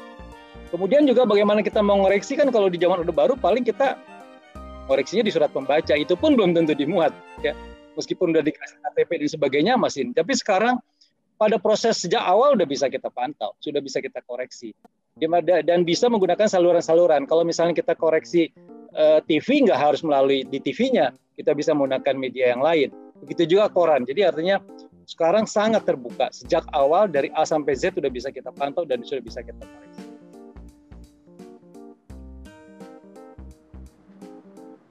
Oke, ini kita lanjut aja. Nah, sekarang yang tadi itu misalnya bahwa memang sekarang ini secara undang-undang karena semua orang bisa bikin uh, media, ini memang uh, ada kecenderungan. Ini saya kira Mas Bukti juga mungkin menemukan di masa-masa dia di Dewata. Banyak orang-orang yang uh, hanya bermodalkan, ya kalau saya bilangnya modal 500 ribu gitu ya, beli domain gitu, dia udah bikin website seolah-olah bikin kartu ini, kemudian dia merasa udah udah jadi wartawan udah menjadi jurnalis, udah bisa, udah mana mengaku wartawan, udah bisa uh, melakukan aktivitas seolah-olah wartawan. Nah, kemudian saya coba tanya-tanya apa sih sebenarnya yang membuat orang begitu ingin punya media atau ingin jadi jurnalis? Sebenarnya sederhana sih kalau kita lihat dari hubungan publik dengan media atau jurnalis ini. Ini kan sebenarnya eh, kenapa orang pingin pingin pingin jadi jurnalis atau punya eh, menjadi media? Karena banyak orang sekarang ini merasa bahwa profesi jurnalis atau kalau kita punya media itu itu kita mempunyai akses yang lebih ya, punya privilege yang lebih dibanding orang lain, dibanding profesi lain misalnya. Saya suka cerita kalau teman-teman di daerah misalnya saya katakan eh, katakanlah di satu provinsi gitu ada pengusaha yang besar gitu ya, cukup besar, dia mau ketemu bupati aja nggak bisa setiap saat. Gitu tetapi teman-teman yang kita anggap ya kita sini bilang eh, apa namanya kontributor, bahkan juga di bawah kontributor ya eh, stringer-stringer itu, tapi dia memang dikenal di sana. Setiap saat dia bisa doorstop bupati, dia bisa doorstop eh, pangdam misalnya. Dan ini terbetul, terbukti misalnya kalau kita lagi menguji kawan-kawan di dalam uji kompetensi itu, ada salah satu materi ujinya adalah uh, mengecek ya seberapa besar jaringan uh, dia ya, jaringan dia terhadap narasumber itu saya sering kali menemukan. Yang kita mungkin kita nggak menduga gitu ya. Coba cek gitu ya. Kita pilihkan pangdam misalnya itu dia bisa. Jam 11 malam misalnya kita cek ini coba ditelepon diangkat. Bukan lagi oleh ajudan tapi pangdamnya yang ngangkat. Bupati juga gitu. Artinya memang profesi ini punya privilege yang lebih gitu ya. Nah inilah mungkin juga salah satu yang orang melihat loh enak sekali ya. Nah karena melihat privilege ini maka orang banyak berduyun-duyun. Pengen punya media pengen ngaku-ngaku jurnalis gitu ya. Lebih pada ingin memanfaatkan bahwa dia punya akses ya, punya akses dan ini terbukti beberapa hal kita laporan-laporan di Dewan Pers juga ada kalau sekali yang menyatakan memang ada orang yang punya media yang kerjanya cuma kerjain bupati gitu ya. Dia lagi dia lagi tapi memang ah, itu kita anggap bahwa uh, ada niat buruk niat tidak baik untuk terhadap jadi ini saya kira padahal pekerjaan profesi jurnalis atau memiliki media ini adalah harus memenuhi kepentingan publik informasi yang mereka butuhkan. Sebenarnya kalau ini aja bisa dilakukan, selesai dia gitu ya. Ya, tentu dengan melakukan pekerjaan-pekerjaan secara uh, profesional ya.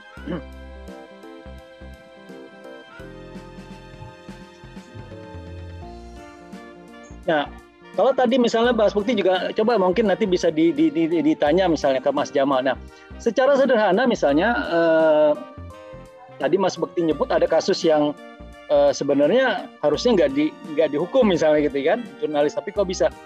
Saya coba eh, kita pernah bedah waktu itu di di, eh, di ini memang ada beberapa hal ya.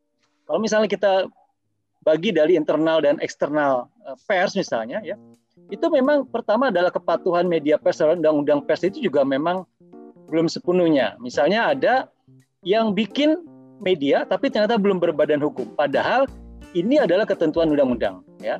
Ini juga salah satu yang ketika misalnya kasus kita sebut adalah kasus di Kalimantan misalnya itu ini medianya tidak berbadan hukum. Dia sudah melakukan aktivitas, juga nggak jelek juga berita berita, tapi karena nggak ada berbadan hukum, secara legal formal dia tidak bisa diakui. Karena ini undang-undang.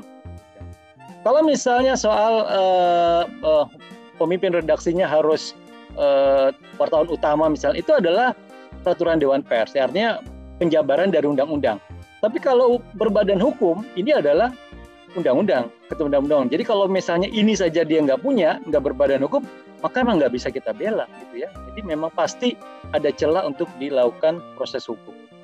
Meskipun sebenarnya ini proses kasus ini misalnya kita sudah putuskan di Dewan Pers itu masalah etik karena memang kita nilai produknya itu produk jurnalistik di, dikerjakan dengan cara-cara profesional bagus tetapi ya apa namanya eh, karena lembaganya tidak bangun dan ini kita nggak bisa tidak bisa tidak bisa bela ya karena memang secara legal formal dia tidak berhukum hukum dan secara undang-undang dia bukan media. Pada struktur media, organisasi perusahaan ya model bisnis yang tadi diceritakan oleh Mas Arief juga ini memang mempengaruhi ya mempengaruhi terhadap kemerdekaan pers. Patuhan dari kode etik jurnal ini juga ya masih masalah. Kepedulian dan patuhan terhadap upaya perlindungan kerja jurnalis ini juga. Jadi ada media-media yang kerjanya cuma nyuruh aja kerjanya waktu jurnalis suruh kerja tapi tanpa di, di, dibekali dengan ilmu dan perlindungan dan sebagainya ini juga kita masih temukan dan masih banyak betul bukan hanya kita godaan kemajuan dan kecepatan sosial media ini juga tadi Mas Arief cerita betul karena memang orang karena ngejar kecepatan sering kali mengabaikan ada hal-hal yang sangat prinsip misalnya disiplin verifikasi disiplin verifikasi yang itu kita ulang-ulang itu pun dilanggar oleh karena cuma tergiur untuk mengejar kecepatan.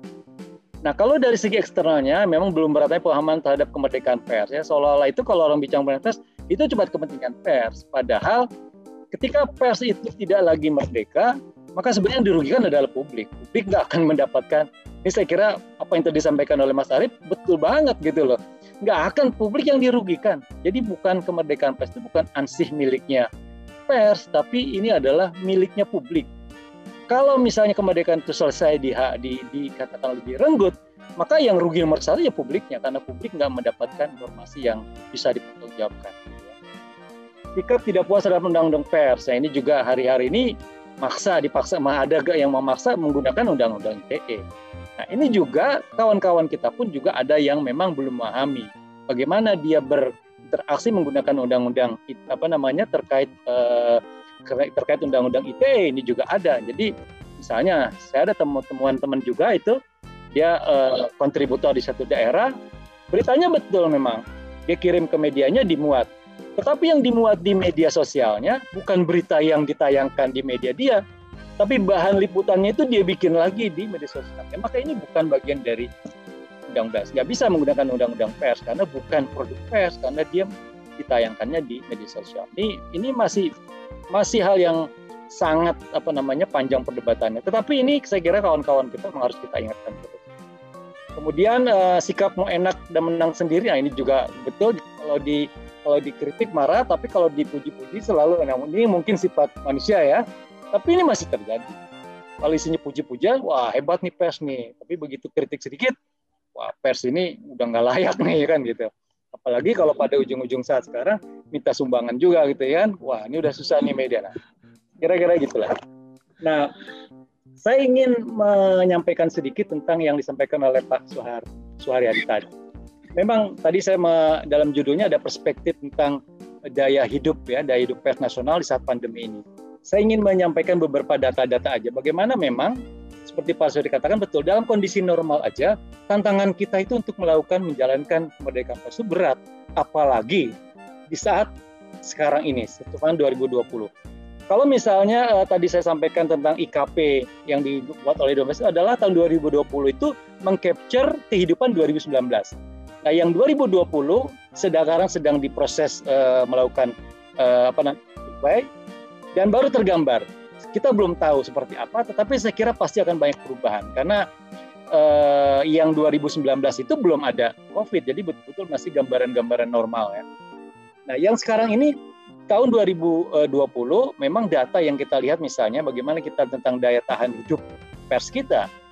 Ini kalau dari SPS misalnya, cetak mengatakan 71% perusahaan pers cetak mengalami penurunan omzet dari 40% Januari, April pada tahun 2019 dibanding tahun 2019. 50% perusahaan cetak telah memotong gaji karyawan dengan besaran 2 sampai 34 persen. 43,2 ya. persen mengambil opsi merumahkan karyawan dengan kisaran jumlah karyawan antara 100 43,2 persen mengambil opsi merumahkan karyawan tanpa digaji. Ini juga kita temukan. 38,6 persen perusahaan cetak sudah tidak berencanakan PHK ya jumlah karyawan yang maupun yang PHK bersekitar antara 25 sampai 100 orang.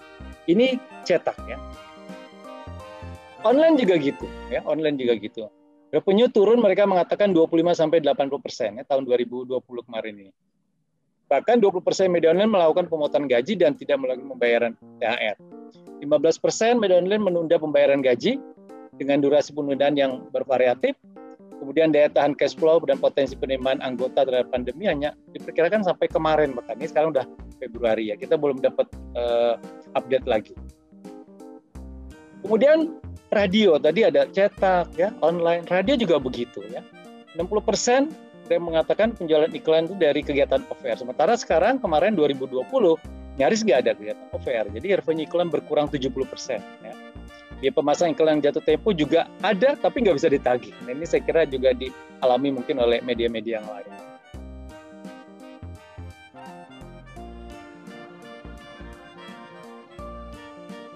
Nah, sampai 2 Juli 2020, 30 persen radio melakukan pemotongan gaji, 60 persen radio mengurangi jam siaran, ini uh, pengeluaran, dan semakin banyak memberamakan kegiatan.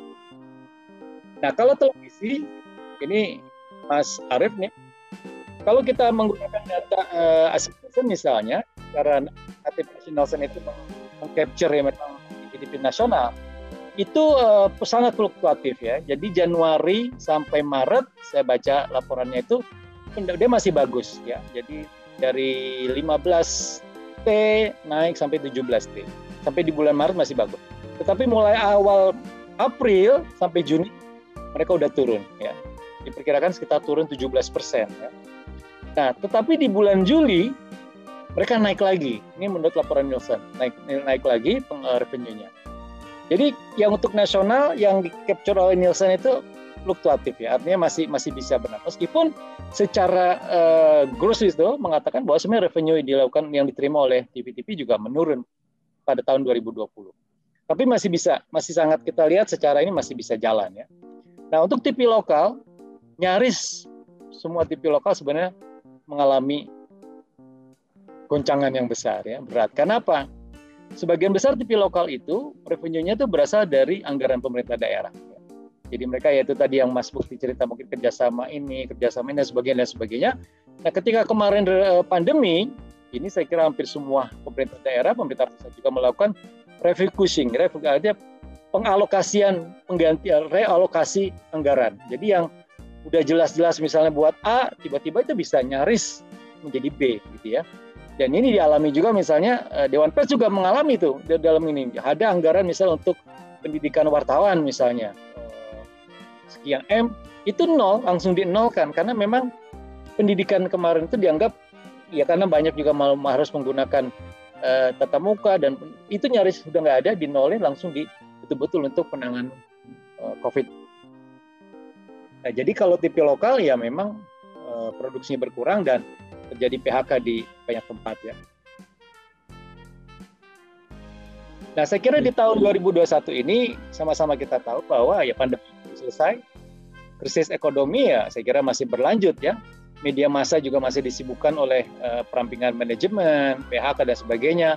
Banyak wartawan kehilangan uh, pendapatan dan pekerjaan, tapi sebaliknya juga banyak media massa kehilangan wartawan-wartawan terbaiknya. Ya. Karena itu apa?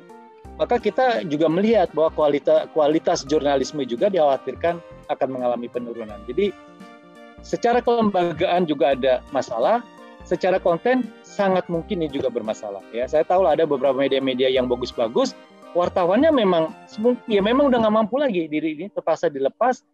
Yang kalau kita kemarin sempat datang ke Dewan kita cerita, mereka paham itu bahwa mereka akan merasa akan ada ancaman ini, bahwa kualitas mereka akan turun karena beberapa yang mereka anggap bagus, ya memang mereka nggak sanggup lagi untuk bayar. Gitu ya. Nah, media massa masih harus berhadapan dengan masalah survival dalam krisis ekonomi yang terburuk dalam sejarah Indonesia. Saya kira ini catatan saya, eh, kenapa tadi saya sebut dalam judul itu adalah perspektif daya tahannya ini dalam khusus di pandemi, itu tadi. Wah kalau yang gambaran indeks kita kemarin itu adalah kondisi yang normal. Maka untuk yang tahun 2020 ya kita belum dapat karena sekarang baru mulai dilakukan surveinya. Saya kira pasti akan ada catatan-catatan dan uh, yang sangat berbeda ya karena kondisinya. Jadi seperti Pak Suhari katakan, dalam kondisi normal aja kita berat kok ngejalanin ini, apalagi dalam kondisi yang memang uh, dalam segala keterbatasan. Saya kira itu yang bisa saya sampaikan. Terima kasih. Baik, Baik Mas Jamal, sangat komprehensif ya. Datanya jangan-jangan ini saling berkaitan nih. Sebenarnya Mas Bekti sama Mas Jamal satu tim kali ini. Tapi gini, uh, Mas Agung, mohon maaf kita uh, seru banget bicara dari sisi uh, hambatan data-data dari Dewan Pers dan secara real apa yang dialami oleh Metro TV yang tadi disampaikan oleh Mas Arief. Tapi pertanyaan udah banyak banget sebenarnya uh, sebagian besar ke Mas Arief dan ke KPI dan juga yang ke Dewan Pers. Tapi saya ingin Mas uh, Agung menyampaikan dulu deh jam 4 katanya ada udah ada rapat lagi jadi uh, secara uh, sikat sebenarnya saya ingin uh, dari sisi KPI, lembaga yang juga uh, sebenarnya mengawasi dari konten penyiaran, baik itu televisi maupun radio. Kalau kita ngomongin kebebasan pers, banyak hal sebenarnya yang uh, bisa digali. Tidak cukup kayaknya waktu kita ngobrol bareng ini. Tapi silakan Pak Mas Agung bisa sampaikan nggak? Uh, beberapa mungkin saya sambil bacakan dulu ya dari diskusi teman-teman yang udah raise hand berkali-kali dari tadi nih dari teman-teman dari kampus sudah nggak sabar takut keburu selesai cara jauh mungkin ya. Tapi nggak apa-apa sambil Mas Agung juga, juga jelaskan poin-poinnya saja. Uh, dari Albert Jonathan uh, dari kampus Indira Tanjung Duren. Ini mungkin juga bisa ke Mas Arief dan ke Mas Agung nih. Ini udah membahas jauh banget konglomerasi media. Tapi bisa juga di uh, pertanyaannya adalah konglomerasi media tidak sejalan dengan demokrasi Indonesia mengapa hal itu disiapkan dan pelanggaran pemilu terkait pemberitaan pasti ini ya 2014 tidak ada sanksi. Secara umum pertanyaannya kurang lebih seperti itu. Hal yang sama juga disampaikan Ibu Sti Ayu Adiani dari Sastra Inggris, Gembira, nih Eh, belajar untuk Pak Arief Suditomo belajar dari kejadian pandemi yang mampu meruntuhkan keberlangsungan dunia media dan komunikasi beberapa gulung tikar bagaimana antisipasi dan apa yang harus dilakukan jika suatu hari ada dampak yang sama atau lebih bagaimana mengantisipasinya saya uh, mau ke Mas Agung Supriyo dulu silakan Mas Agung ya uh, terima kasih Mas uh, salam hormat untuk senior senior saya ini ada Mas Ari ada Mas Bekti, Pak Jamalul, Prof. Suharyadi, dan rekan saya tentunya Mas Jami. Lalu ada mahasiswa ya, dan orang umum yang ikut dalam diskusi ini. E, tema kita tentang kebebasan pers. Jadi saya ingin melihat tentang pers dulu baru kebebasan. Ya kalau pers itu bahasa Belanda, bahasa Inggrisnya press, bahasa Prancisnya presse, bahasa Latinnya pressare. Artinya adalah cetak. Jadi eh, awalnya memang identik dengan media cetak. Tapi kemudian terjemahan tentang pers itu adalah terkait dengan fungsi pemberitaan. Jadi eh, fungsi pers itu bukan hanya di media cetak, tapi juga di media penyiaran konvensional, TV dan radio, dan sekarang pun ada di media penyiaran non konvensional atau orang lebih kenal sebagai media sosial ataupun media baru. Jadi pers itu dengan segala fungsinya masuk ke berbagai media. Sekarang kebebasan. Ya, kebebasan ini diatur di dalam undang-undang. Jadi orang mengatakan tentang kebebasan yang bertanggung jawab. Benar istilah ini di luar negeri juga seperti itu. Kalau kebebasan tidak bertanggung jawab, maka dia akan menjadi anarki. Kan seperti itu. E, sebuah kondisi tanpa peraturan, bahkan tanpa pemerintah. Jadi itu anarki. Jadi kebebasan juga harus diatur, tetapi tidak mematikan kebebasan itu sendiri. Nah, Komisi Penyiaran Indonesia itu dibentuk oleh Undang-Undang 32 tahun 2002. Jadi kalau kita melihat tahunnya, memang pada saat itu internet tidak secepat sekarang. Zamannya 4G, ada Android, kemudian muncul media sosial, ada Twitter, Instagram, ada Facebook, ada apa lagi? Ada YouTube. TV pun juga banyak, ada Netflix dan seterusnya. Jadi kalau kita melihat tahun 2002, maka KPI masih mengatur tentang media penyiaran konvensional yaitu televisi dan radio. Uh, eh, RCTI dan iNews menggugat ke Mahkamah Konstitusi meminta agar uh, ruang lingkup penyiaran itu diperluas. Bukan hanya TV dan radio, tetapi juga media baru dan media sosial. Tetapi gugatan itu kandas uh, oleh Mahkamah Konstitusi karena menurut MK kalau dilihat dari Undang-Undang 32 tahun 2002, maka memang undang-undang ini hanya diperuntukkan untuk mengatur media konvensional, TV dan radio. Dan memang harus ada semacam revisi terhadap undang-undang kalau ingin eh, KPI mengatur tentang media baru. Tadi ada pertanyaan seperti itu, kenapa tidak diatur eh, media baru dan media sosial? Nah, kembali kepada kebebasan yang bertanggung jawab tadi. Di dalam Undang-Undang 32, KPI diberikan kewenangan untuk membuat P3 dan SPS. Apa itu P3 dan SPS? P3 itu adalah pedoman perilaku penyiaran, SPS itu adalah standar program siaran.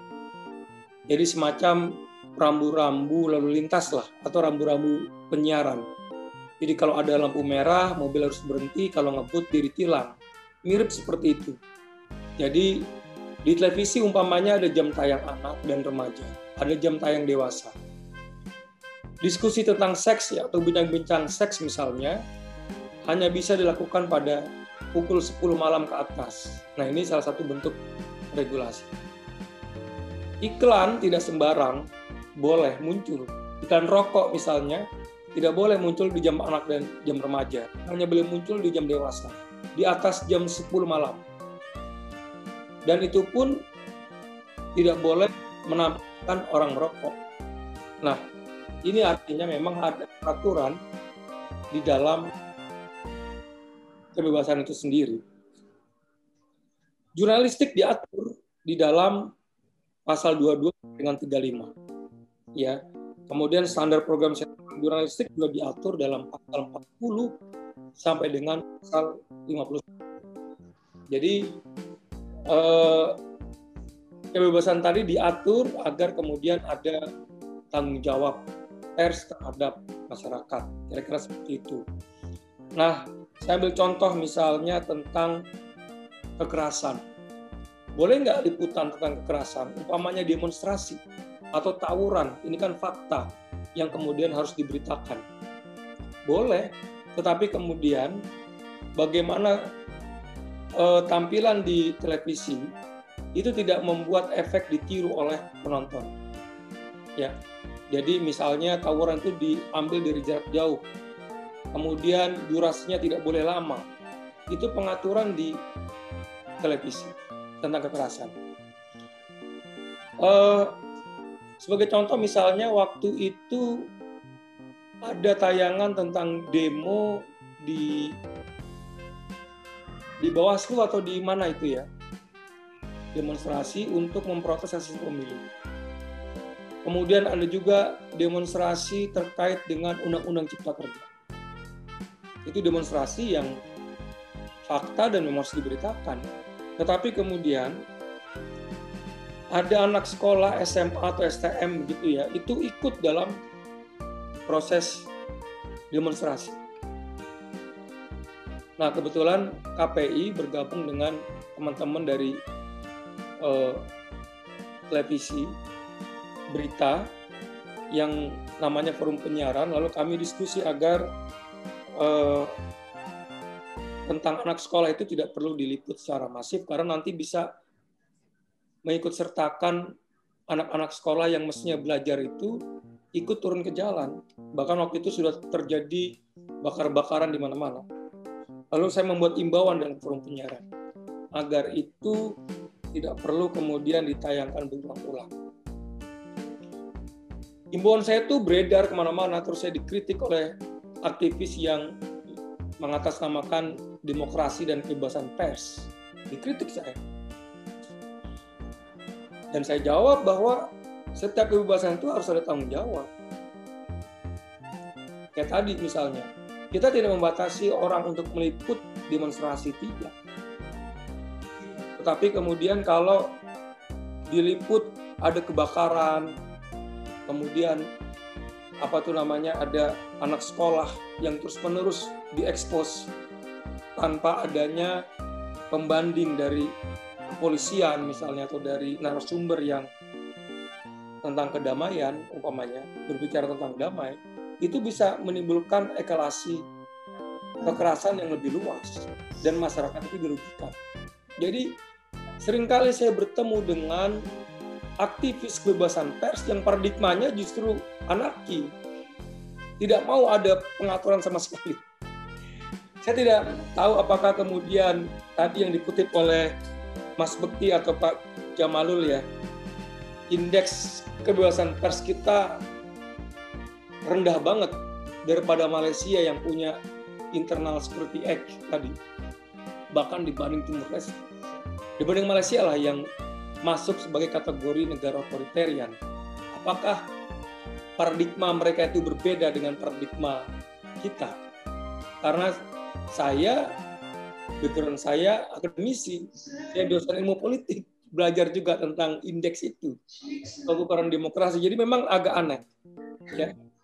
Eh, apakah ini masuk ke dalam kategori kebebasan pers? Nah, kalau saya melihat bahwa kebebasan itu harus bertanggung jawab. Tadi terkait dengan kekerasan dan demonstrasi. Nah ini kaitannya dengan KPI. Nah saya memang sering melihat lebih luas lagi tentang liputan-liputan yang kerap kali dilupakan oleh reporter televisi. Umpamanya ketika mereka meliput bencana. Ya, kalau meliput bencana itu Jangan sampai kemudian yang diwawancara itu adalah anak kecil ataupun paranormal. Lalu kemudian korban tertimpa reruntuhan itu tidak boleh ditampilkan sedemikian rupa. Jadi dia harus di blur atau kalau perlu tidak perlu kemudian ditampilkan. Liputan tentang teroris yang terakhir juga tentang interogasi. Ini catatan dari KPI jadi interogasi oleh kepolisian itu kan bersifat rahasia.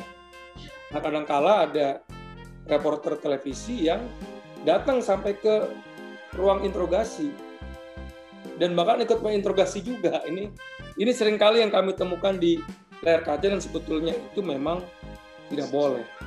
Nah, itu adalah P3SPS, rambu-rambu dalam penyiaran dalam kaitannya dengan jurnalistik dan televisi itu sudah patuh memahami. Memang problemnya tadi, bagaimana dengan di media sosial? Bagaimana dengan di media baru? Seorang orang bisa menjadi jurnalis, siapa pun bisa jadi jurnalis. Dan ini yang kemudian eh, harus ada semacam komitmen kita bersama untuk yang pertama memberikan literasi, yang kedua tentunya pengaturan. Nah pengaturan seperti apa ini yang harus kita formulasikan bersama terkait dengan pers di media baru ataupun di media sosial. Ada pertanyaan dari uh, saya lihat ini di ya di apa di Zoom ini ya. tentang 2014 KPI terkait dengan pemilu. Nah ini mungkin yang bisa menjawab Mas Bekti ini karena Mas Bekti kalau periode 2014. Cuma ini saya saya sampaikan begini. Apakah KPI dilemahkan? Tidak. Tidak dilemahkan. Yang mungkin lemah itu adalah undang-undang. Undang-undang 32 tahun 2002. Karena situasinya mungkin yang sekarang itu tidak bisa diprediksikan oleh pembuat keputusan pada masa masa itu. Tadi terkait media baru, jadi betul disrupsi ini membuat orang porak-poranda. Semua institusi porak-poranda. Media cetak gulung tikar, media baru tumbuh bak cendawan di musim hujan. Nah, KPI waktu tahun belum lama lah ya, beberapa tahun silam itu saya masih di sini sebagai anggota KPI, itu kita pernah eh, membuat surat edaran untuk memberhentikan Mars, partai politik yang tayang berulang kali di sebuah televisi yang berjaringan. Bukan hanya satu televisi, tapi grup televisi tersebut. Kita berikan surat edaran, digugat di pengadilan, kita kalah. Kenapa kita kalah? Karena undang-undang. Jadi begini, di Undang-Undang 32 tahun 2002, itu hanya memasukkan dua jenis iklan yang pertama itu adalah iklan komersil, yang kedua itu adalah iklan layanan masyarakat. Cuma dua, nggak ada iklan politik. Nggak ada. Nah, sementara di pengadilan diuji.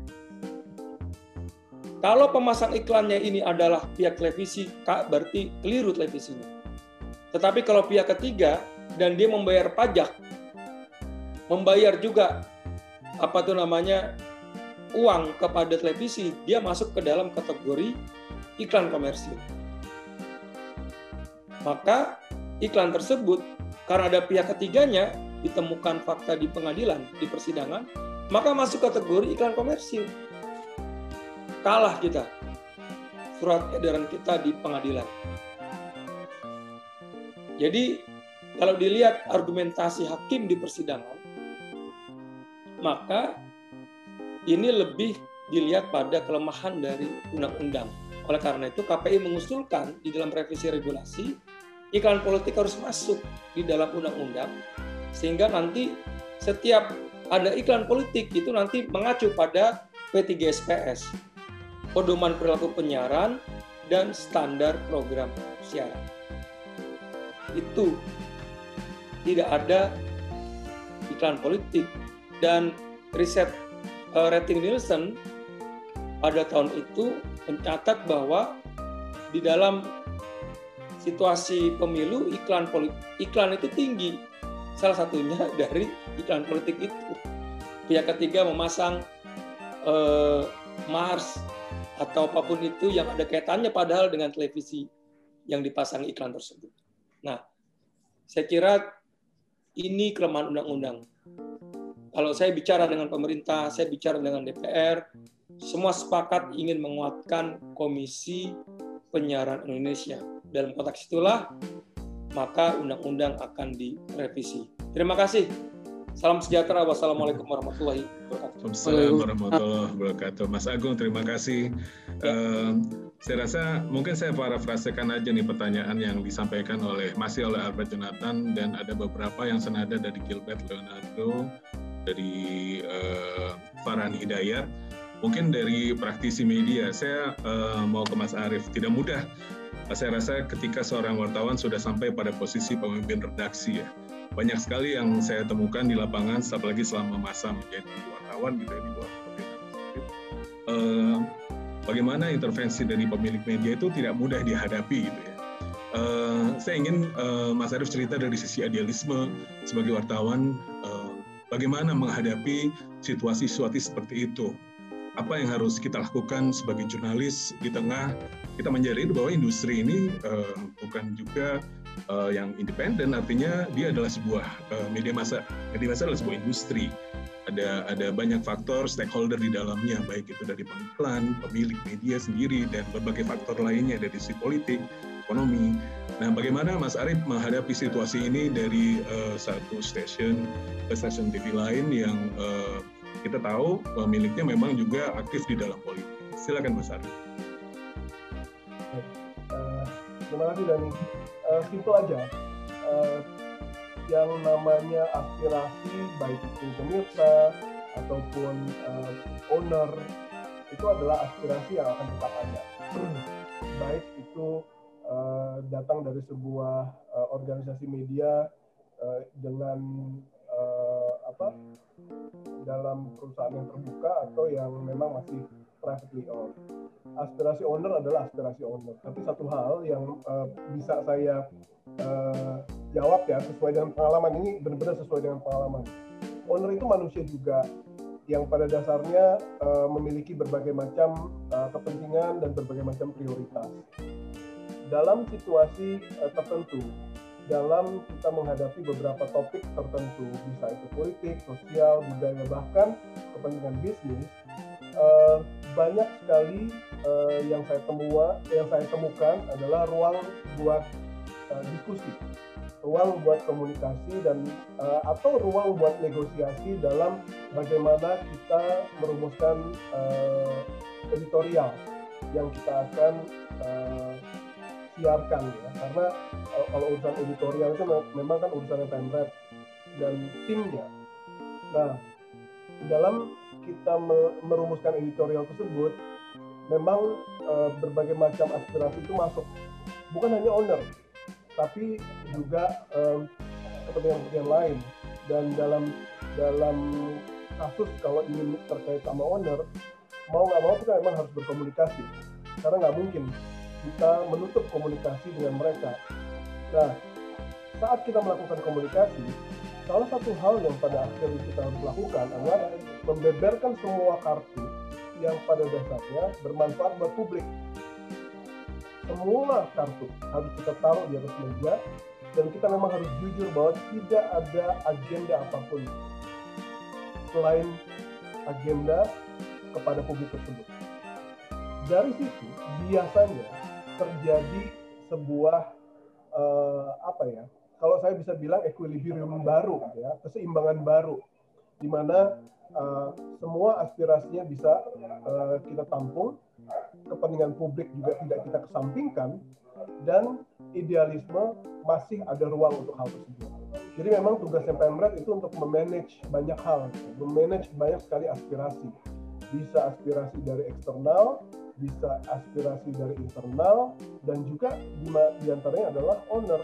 Dan saya pikir uh, apa yang saya jelaskan ini pasti juga pernah dialami oleh banyak pemimpin redaksi yang lain.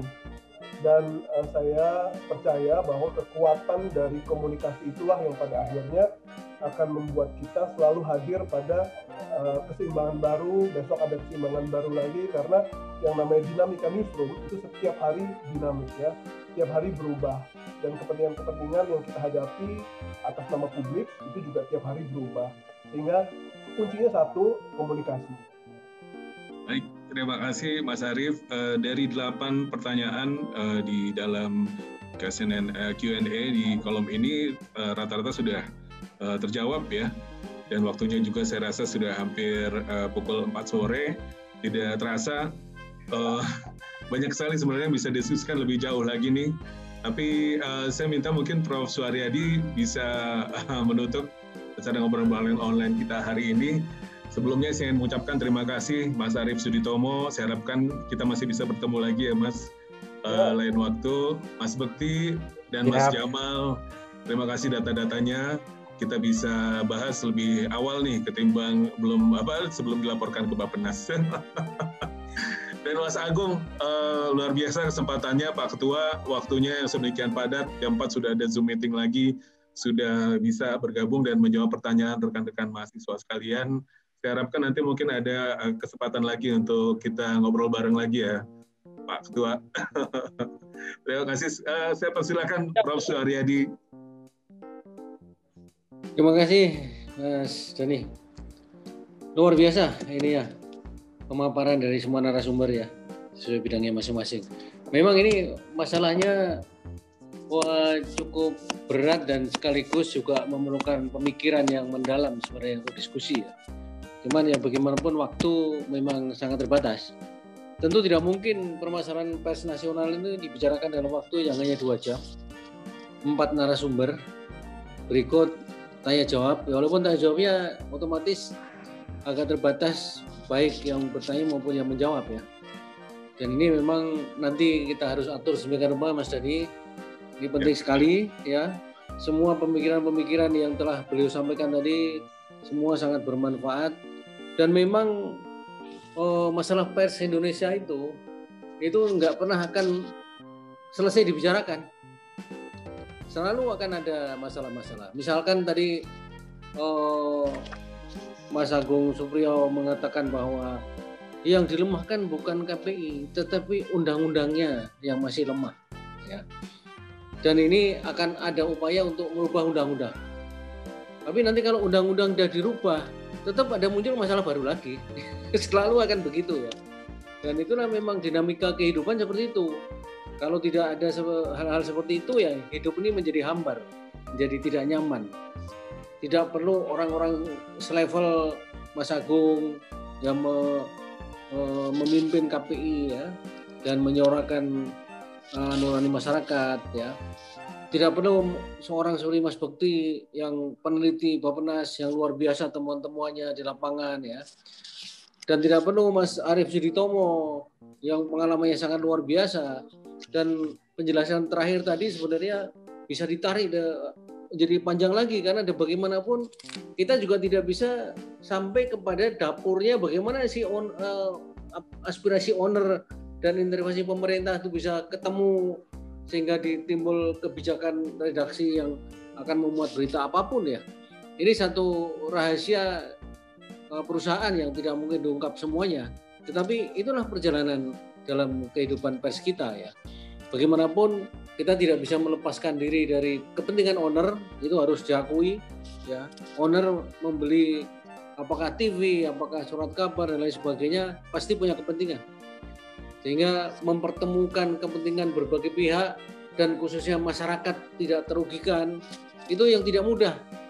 Karena seperti Mas Arief tadi sampaikan bahwa insan pers itu yang hebatnya adalah dia tidak pernah merugikan masyarakat.